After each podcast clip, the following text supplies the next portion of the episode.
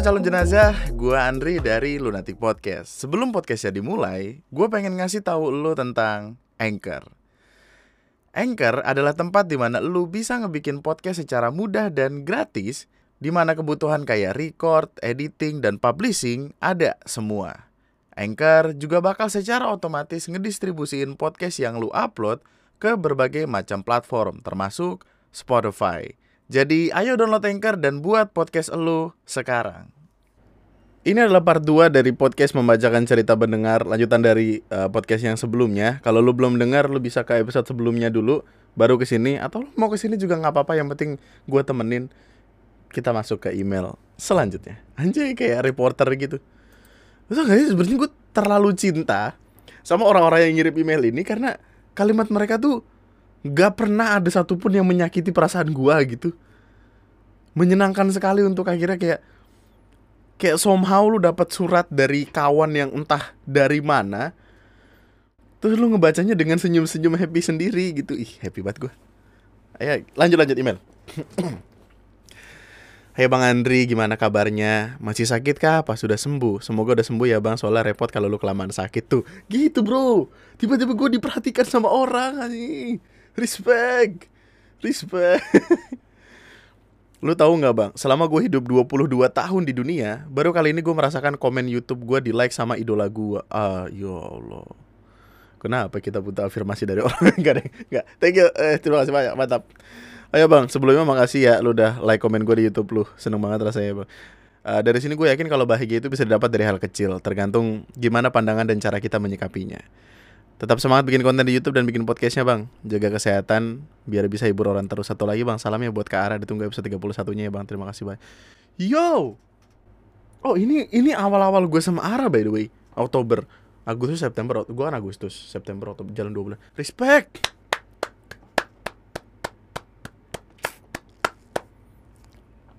relationship seperti inilah yang jarang dirasakan oleh orang-orang yang katakanlah bekerja dengan cara lain gitu aja. Karena hal paling menyenangkan dari interaksi gue sama orang-orang ini adalah ceritanya banyak banget bro. Sumpah kemarin gue ada satu bulan lalu gak sih sebelum gue nikah pokoknya. Gue ketemu sama orang di tangannya ada tato Illuminati gue gokil keren banget di pundaknya ada apa namanya ada tato Bapomet anjay. Respect. Dan cerita dia menyenangkan sekali. Gue pernah ketemu orang dari luar negeri. Gue ngobrol sama orang dari Jepang. Selalu jatuh cinta gue sama cerita orang yang yang mereka bisa berjalan sejauh itu untuk akhirnya meyakinkan gue kalau men orang lain aja bisa gitu. Kenapa gue enggak? Gitu gitu kita terlalu sering ngeliat ke atas sampai kita lupa ngeliat ke bawah. Tapi sekali-kali lihat kiri kanan yuk. Bro kiri kanan kita tuh ada temen lu yang katakanlah udah jadi pelaut temen lu yang tiba-tiba kuliah di Jerman. Gokil. Dan itu kiri kanan lu gitu maksudnya kayak bareng sama lu. Anita ngirim email lagi tadi di resend katanya karena kayaknya gue nggak baca waktu itu.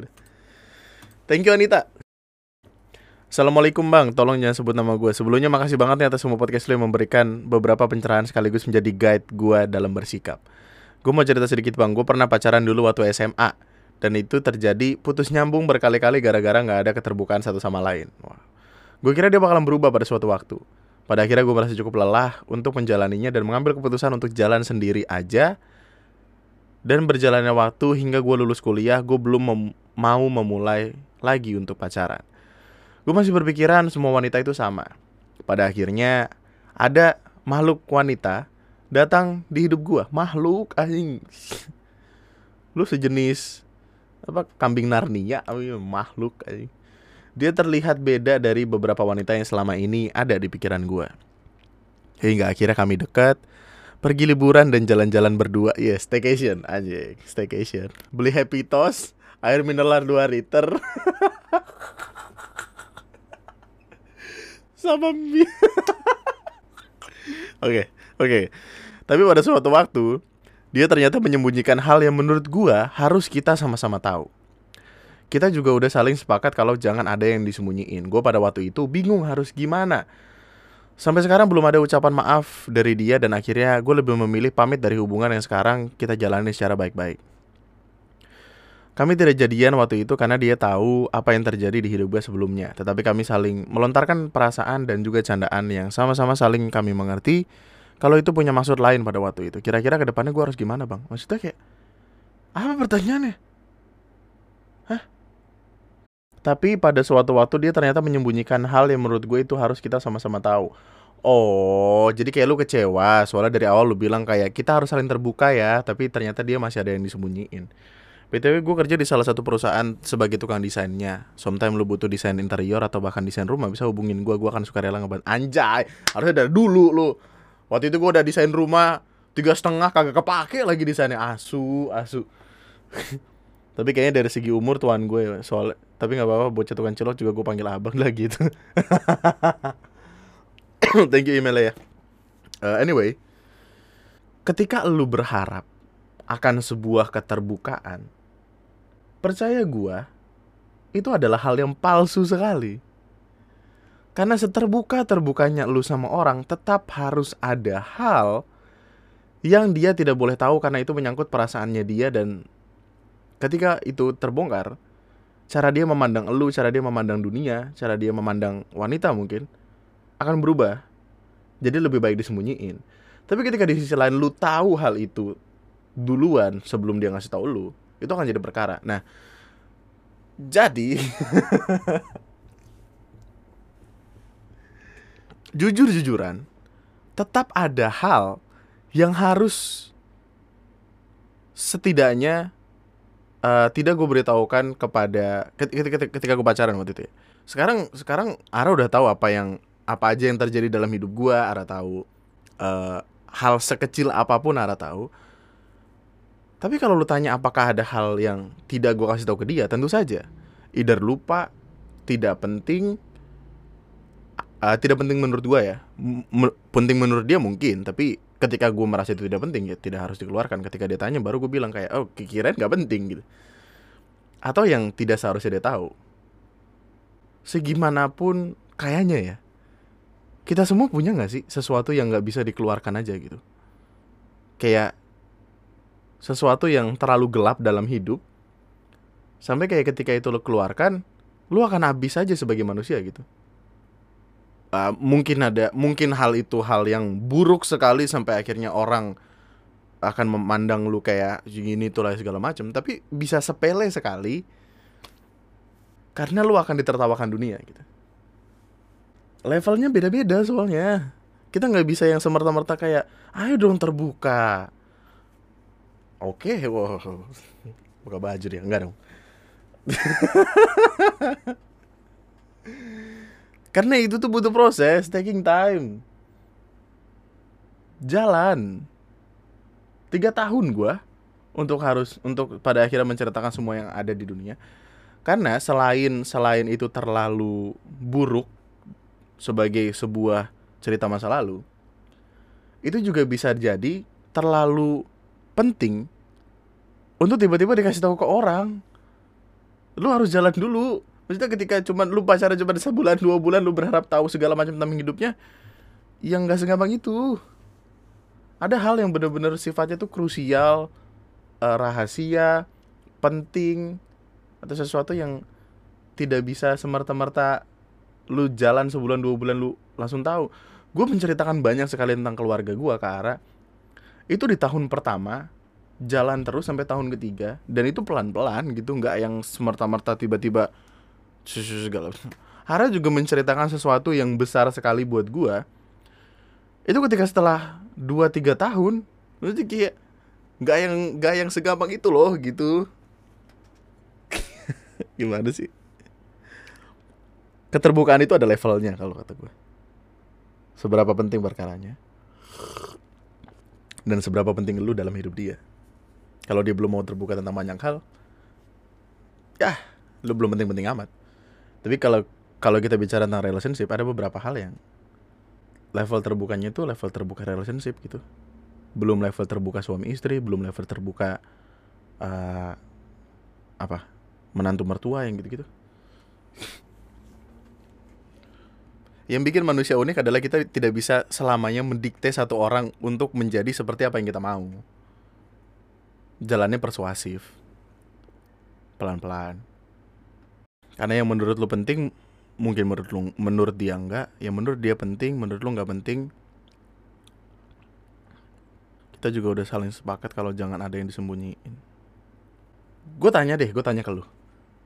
Uh, mungkin lu dengerin podcast gue eh ya, ya lu pasti dengerin podcast gue kalau lu denger omongan apa sih gue lu lu boleh dm gue di ig bagaimana ketika ada seseorang bilang ke lu kayak Ayo kita sepakat untuk jangan menyembunyikan apa pun. Terbuka atas banyak hal. Kira-kira menurut lu akan seterbuka apa lu ke si orang ini? Seterbuka apa? Levelnya sampai mana gitu? Apakah sampai ketika kejadian lu di masa kecil yang membuat lu uh, trauma akan masa depan? Lu setuju nggak gitu kalau keterbukaan akan akan orang tuh tidak semerta-merta levelnya setinggi itu gitu? Karena as a proper human being, ada beberapa rahasia dalam diri kita yang tetap harus menjadi rahasia. Baik buruknya.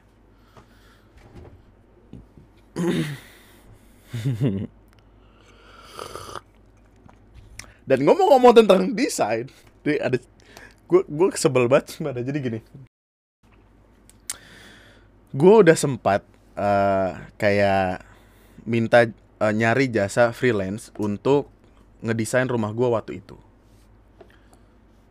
Dan ternyata jadi kan uh, desain rumah itu kalau lo nyari yang freelance itu mereka akan mendesainkan rumahnya, mereka akan membuat pola-pola uh, kayak temboknya di sini uh, batanya pakai ini, tiangnya pakai ini gitu segala macem. Beserta RAB-nya, rancangan anggaran biaya. RAB itu intinya uang yang sekiranya lo perlukan untuk pembangunan rumah tersebut. Ya Allah mahal banget.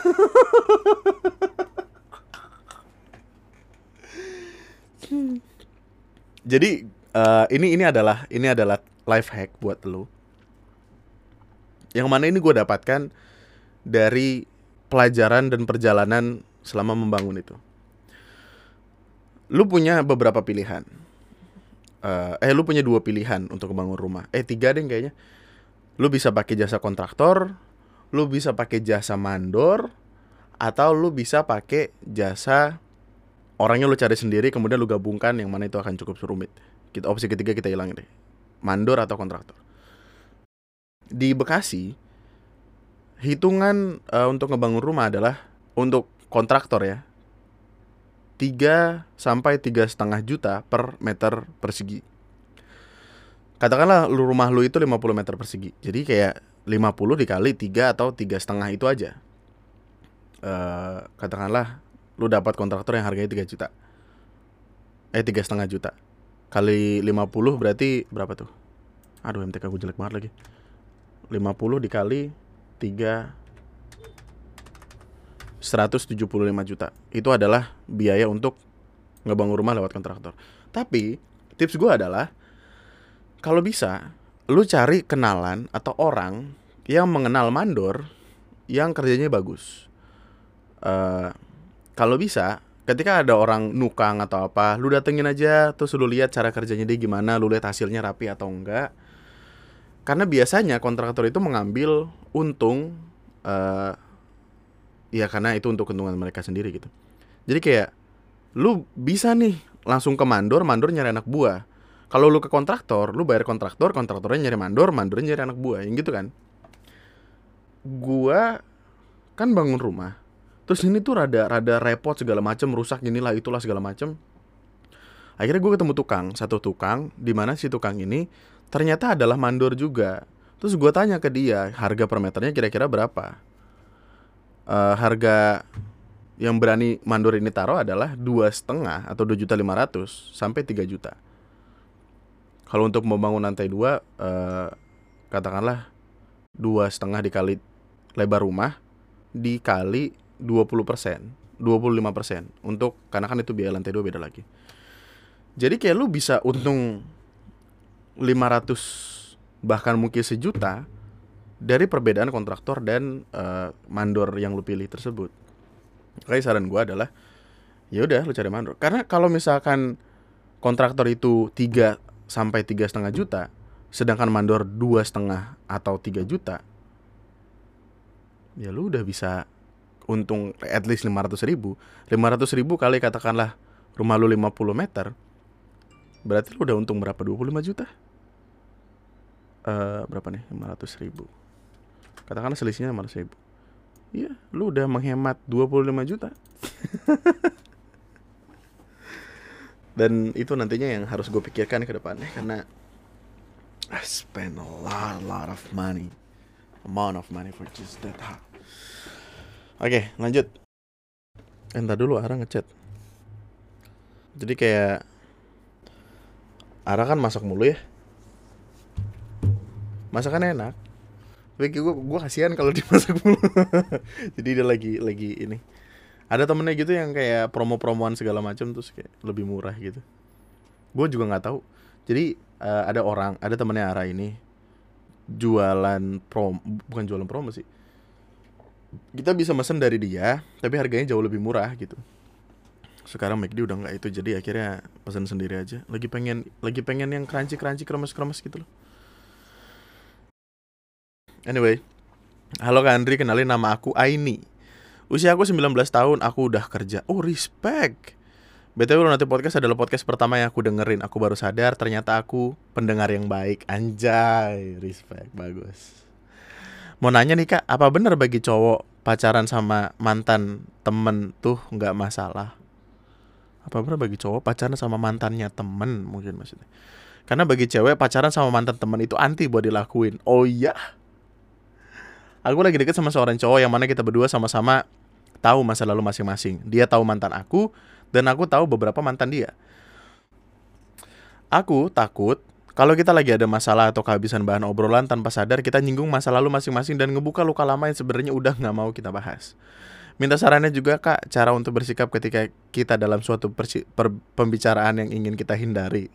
Makasih udah mau baca email aku semangat terus bikin video dan podcast kak semoga selalu bahagia. Amin thank you so much.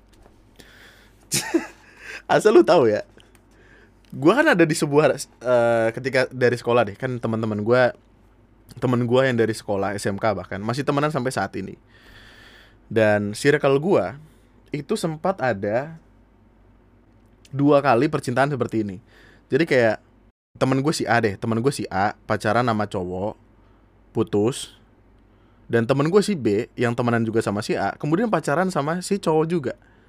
Jadi kayak mereka sharing mantan. Dan tidak masalah ternyata. Maksudnya mereka masih bisa temenan dengan baik gitu. Mungkin di suatu malam mereka sempat ada sharing-sharing kayak eh eh kemarin waktu pacaran sama lu sih ini gimana? Gitu gitu mungkin nggak tahu juga tapi ada juga cowok pacaran sama satu cewek. Cewek ini si A temenan sama si B temen gue sih gue punya temen A dalam circle ini uh, dalam circle ini juga ada cewek B dan cewek C. A pacaran sama si B, kemudian putus. Uh, terus cewek C itu deket sama si A. Tapi dia sadar kalau dia mantannya si B, which is teman gue juga. Tapi ya namanya udah cinta, ya mereka pacaran juga dan sampai saat ini perkara hati memang kadang suka membingungkan, bro.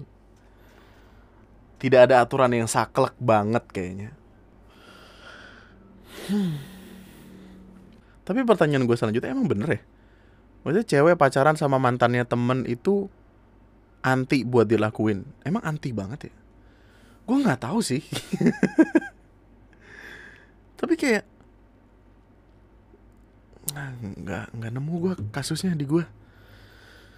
Uh, aku takut kalau lagi ada masalah atau kehabisan obrolan tanpa sadar kita nyinggung masalah masa lalu masing-masing minta sarannya juga kak untuk cara bersikap ketika kita dalam satu pembicaraan yang ingin kita hindari. Gua gua nggak tahu ya, maksudnya ketika gue tidak tahu jawaban akan sesuatu, gue akan bilang nggak tahu, gue nggak tahu. Tapi cara gue, ketika gue ada di sebuah perbincangan yang gue nggak suka gue akan diem aja tidak merespon. Gue nggak peduli orang ini butuh jawaban gue atau enggak tapi gue tidak akan merespon. Terus gue lempar ke hal lain. Supaya dia tahu kalau gue tidak suka pembicaraan tersebut. Supaya dia dengan sadar oh dia nggak suka nih bahasan ini. Mari kita lanjut ke bahasan selanjutnya. Gitu. Karena kalau kalau yang kita paksa untuk lanjut ngomongin di sisi di mana kita takut menyinggung dia akan sesuatu. Menyusahkan diri sendiri gue nggak peduli.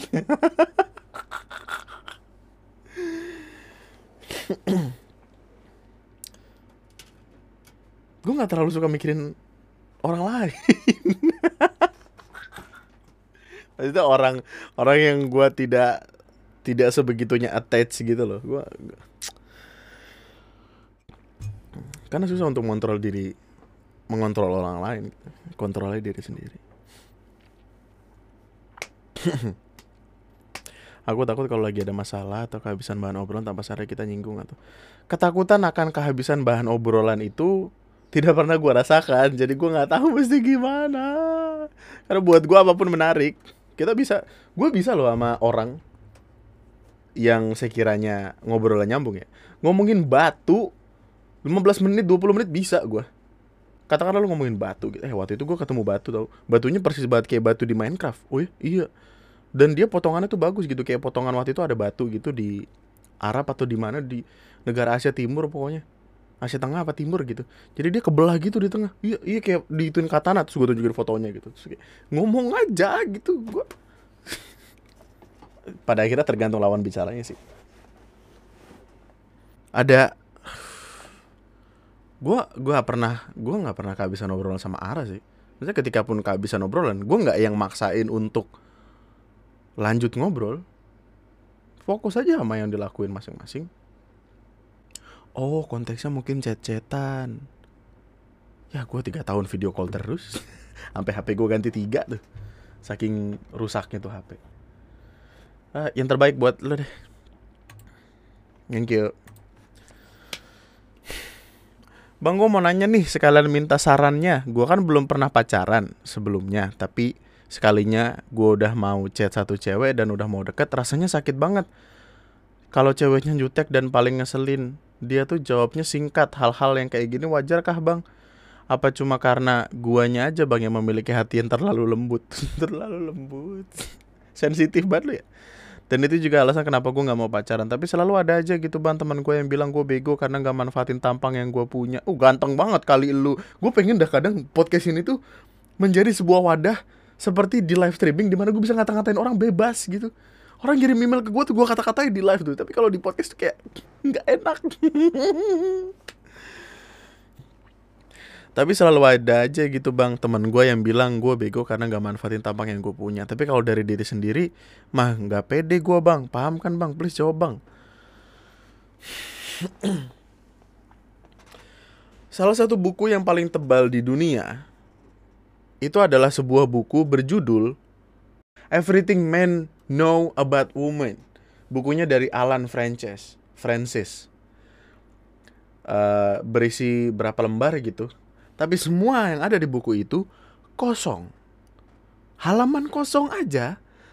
Karena we know nothing about women, man. Kayak lu diminta ketika membeli buku itu, lu akan sadar kayak anjing nggak ada yang tahu nih cowok apa pun tentang cewek untuk kemudian lu sadar lu lihat oh ini kertas kosong. Jadi ketika lu ketemu cewek lu tulisin cewek itu kenapa dan gimana untuk lu bisa berusaha memahami si cewek itu lewat tulisan lu sendiri gitu.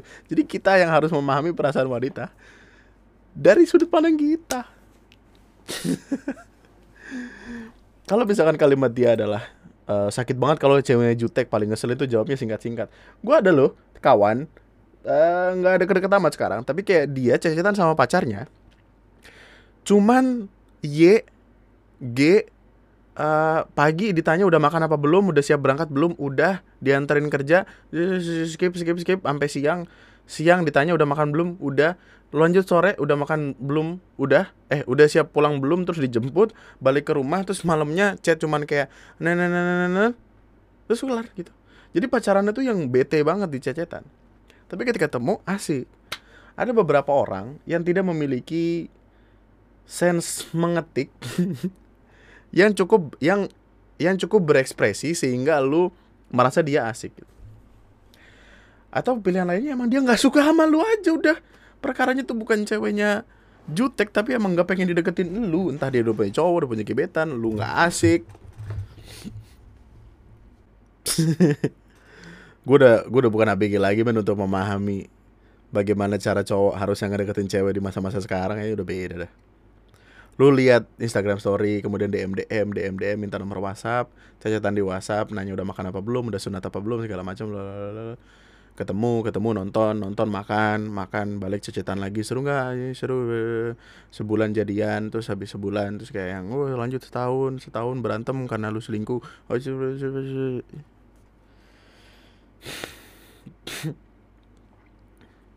masalah relationship tuh kayaknya nggak ada yang saklek gitu jadi belajar aja dari pengalaman.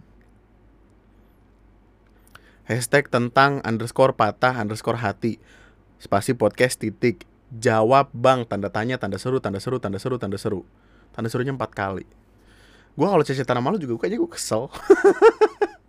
Judul email lu aja begitu. Yang dia takutkan adalah dia merasa kalau hatinya dia terlalu lembut sehingga tidak bisa menerima penolakan. Yang mana memang pada dasarnya fear of rejection adalah salah satu hal yang manusia itu takutkan. Uh, ketakutan akan penolakan. Dan untuk bisa mendapatkan hati wanita, kamu harus berhati baja. Kenapa sih? Lu kalau takut buat ditolak, cari cewek yang sekiranya mau sama lu duluan. Kalau ada yang mau sama dulu duluan tapi lu nggak suka sama si cewek ini ya pilihannya adalah lu mengejar cewek yang belum tentu suka sama lu yang mana lu harus effort. Masa cuman gara-gara dicutekin doang? Mundur? Ya elah. Anjing ada orang ngechat eh ngemail gua malam bang. Iya malam. Apaan sih? Azam. Oh ini ada lanjutan mungkin kepencet ke pencet kirim oke. Okay. bang nama gua azam gue pengen minta pendapat lo tentang cerita gue aku kan punya cewek tuh. Gue tuh kadang bingung kalau bisa di atasnya gue lu di bawahnya aku? Kamu? Aku kan punya cewek tapi jujur gue udah tuh kan? Kayak apa sih? Gue curiga lu gak punya cewek sebenarnya dah. Lu ketika lo ya begini. Aku kan punya cewek tapi jujur gue udah nggak sayang lagi sama dia berkali-kali gue sakitin gue selingkuhin dia tetap sayang sama gue bahkan keluarga dia udah setuju. Gue punya kenalan cewek lain gue bahkan berjuang tuh dapetin nya tapi jujur nggak ada respon baik dari cewek tersebut. Ketika gue ada masalah sama cewek yang gue suka atau sedang kesepian pacar gue itu pasti selalu ada. Ada cewek yang udah pasti malah ngejar cewek yang gak jelas. Gue emang bangsat bang minta pendapat lo bang? Lu so ganteng aja udah itu doang. Tai anjing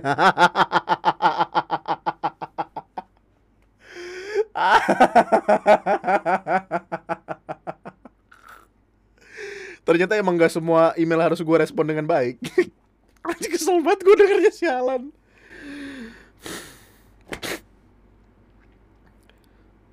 Lu gak akan tahu gimana rasanya jadi orang lain kalau lu belum pernah naruh kaki lu di sepatu yang sama kayak mereka. Lu rasain lu dipatahin nanti lu mampus. Acuh. Lu tonton Radio Galau FM tuh. Aneh banget orang lu. Azam, Azam gue cari lu Azam.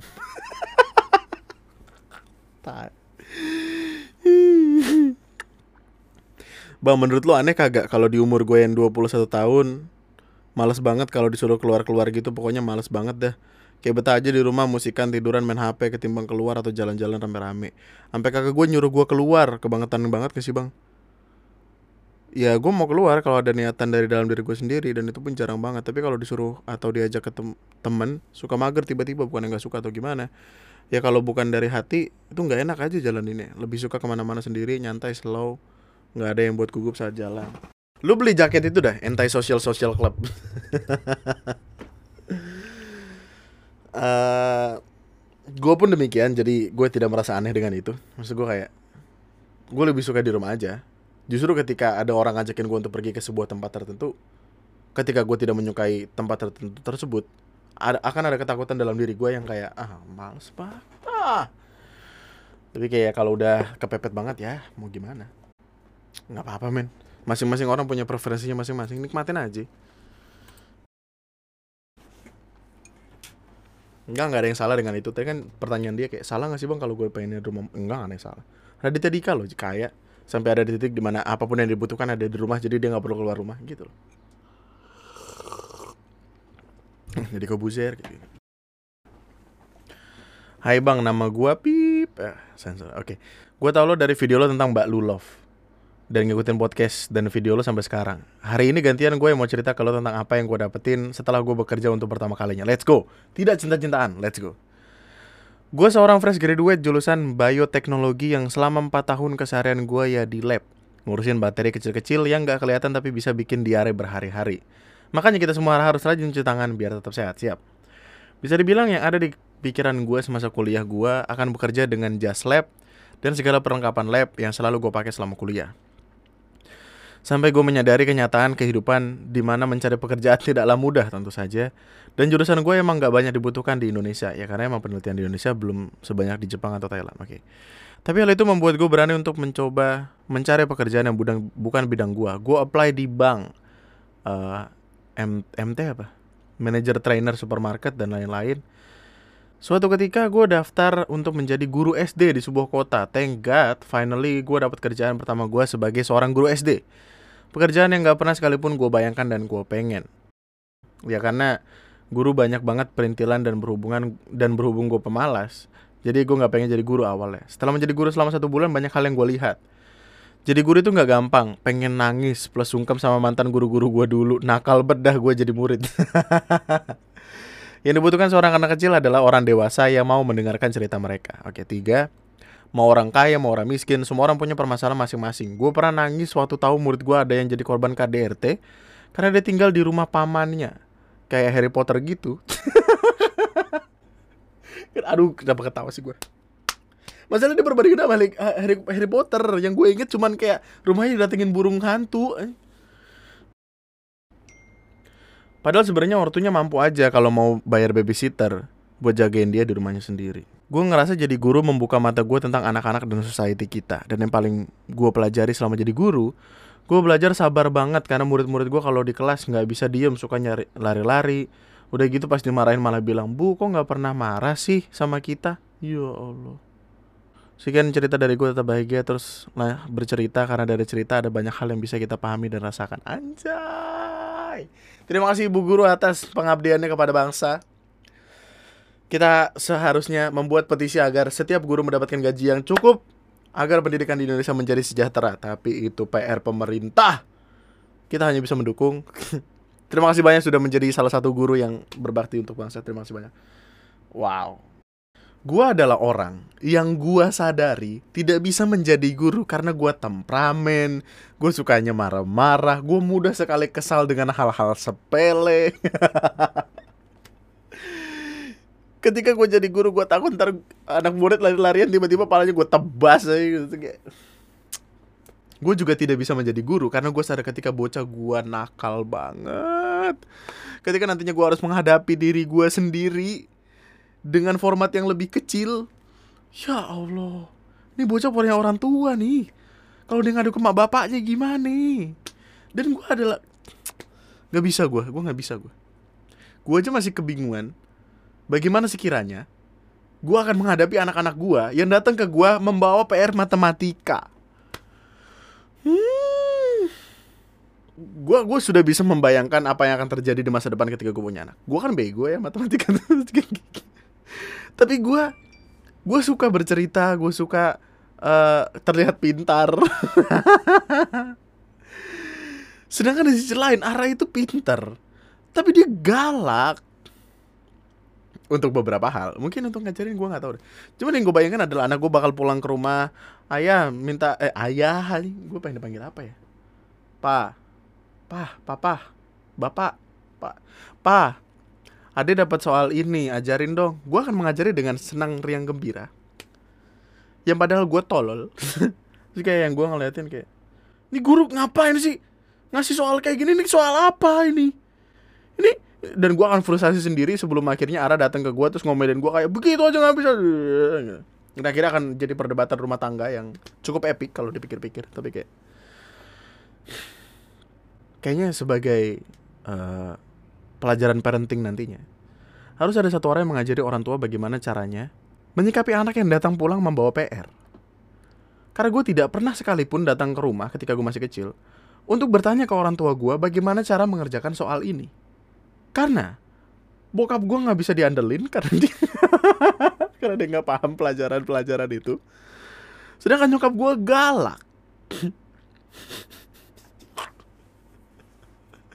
Yang gue takutin ketika gue punya anak, anak gue akan menghindari ngomong ke gue sama Ara. Karena tahu orang tuanya begitu. Aduh ya Allah, lucu banget. Gue akan menantikan bagaimana kelakuan anak gue nanti sih. Pasti kayak tai sih, karena bapaknya kayak tai soalnya. Oke lanjut. Ini email terakhir untuk podcast ini ada dua part soalnya. Uh, udah dua part maksudnya. Uh, uh, jangan sebut nama aku ya bang. Oke. Aku pertama dengar podcast kamu di YouTube TNM Gibahan kamu Gibah. Aku seneng aja dengar podcast kamu yang selalu objektif dalam menanggapi sesuatu. Oh, Aku cuma pengen curhat aja bang, karena jujur aku nggak pernah curhat relationship aku ke siapa pun, even itu ke sahabatku. Aku punya pacar dan kami LDR. Udah hampir 4 tahun ini.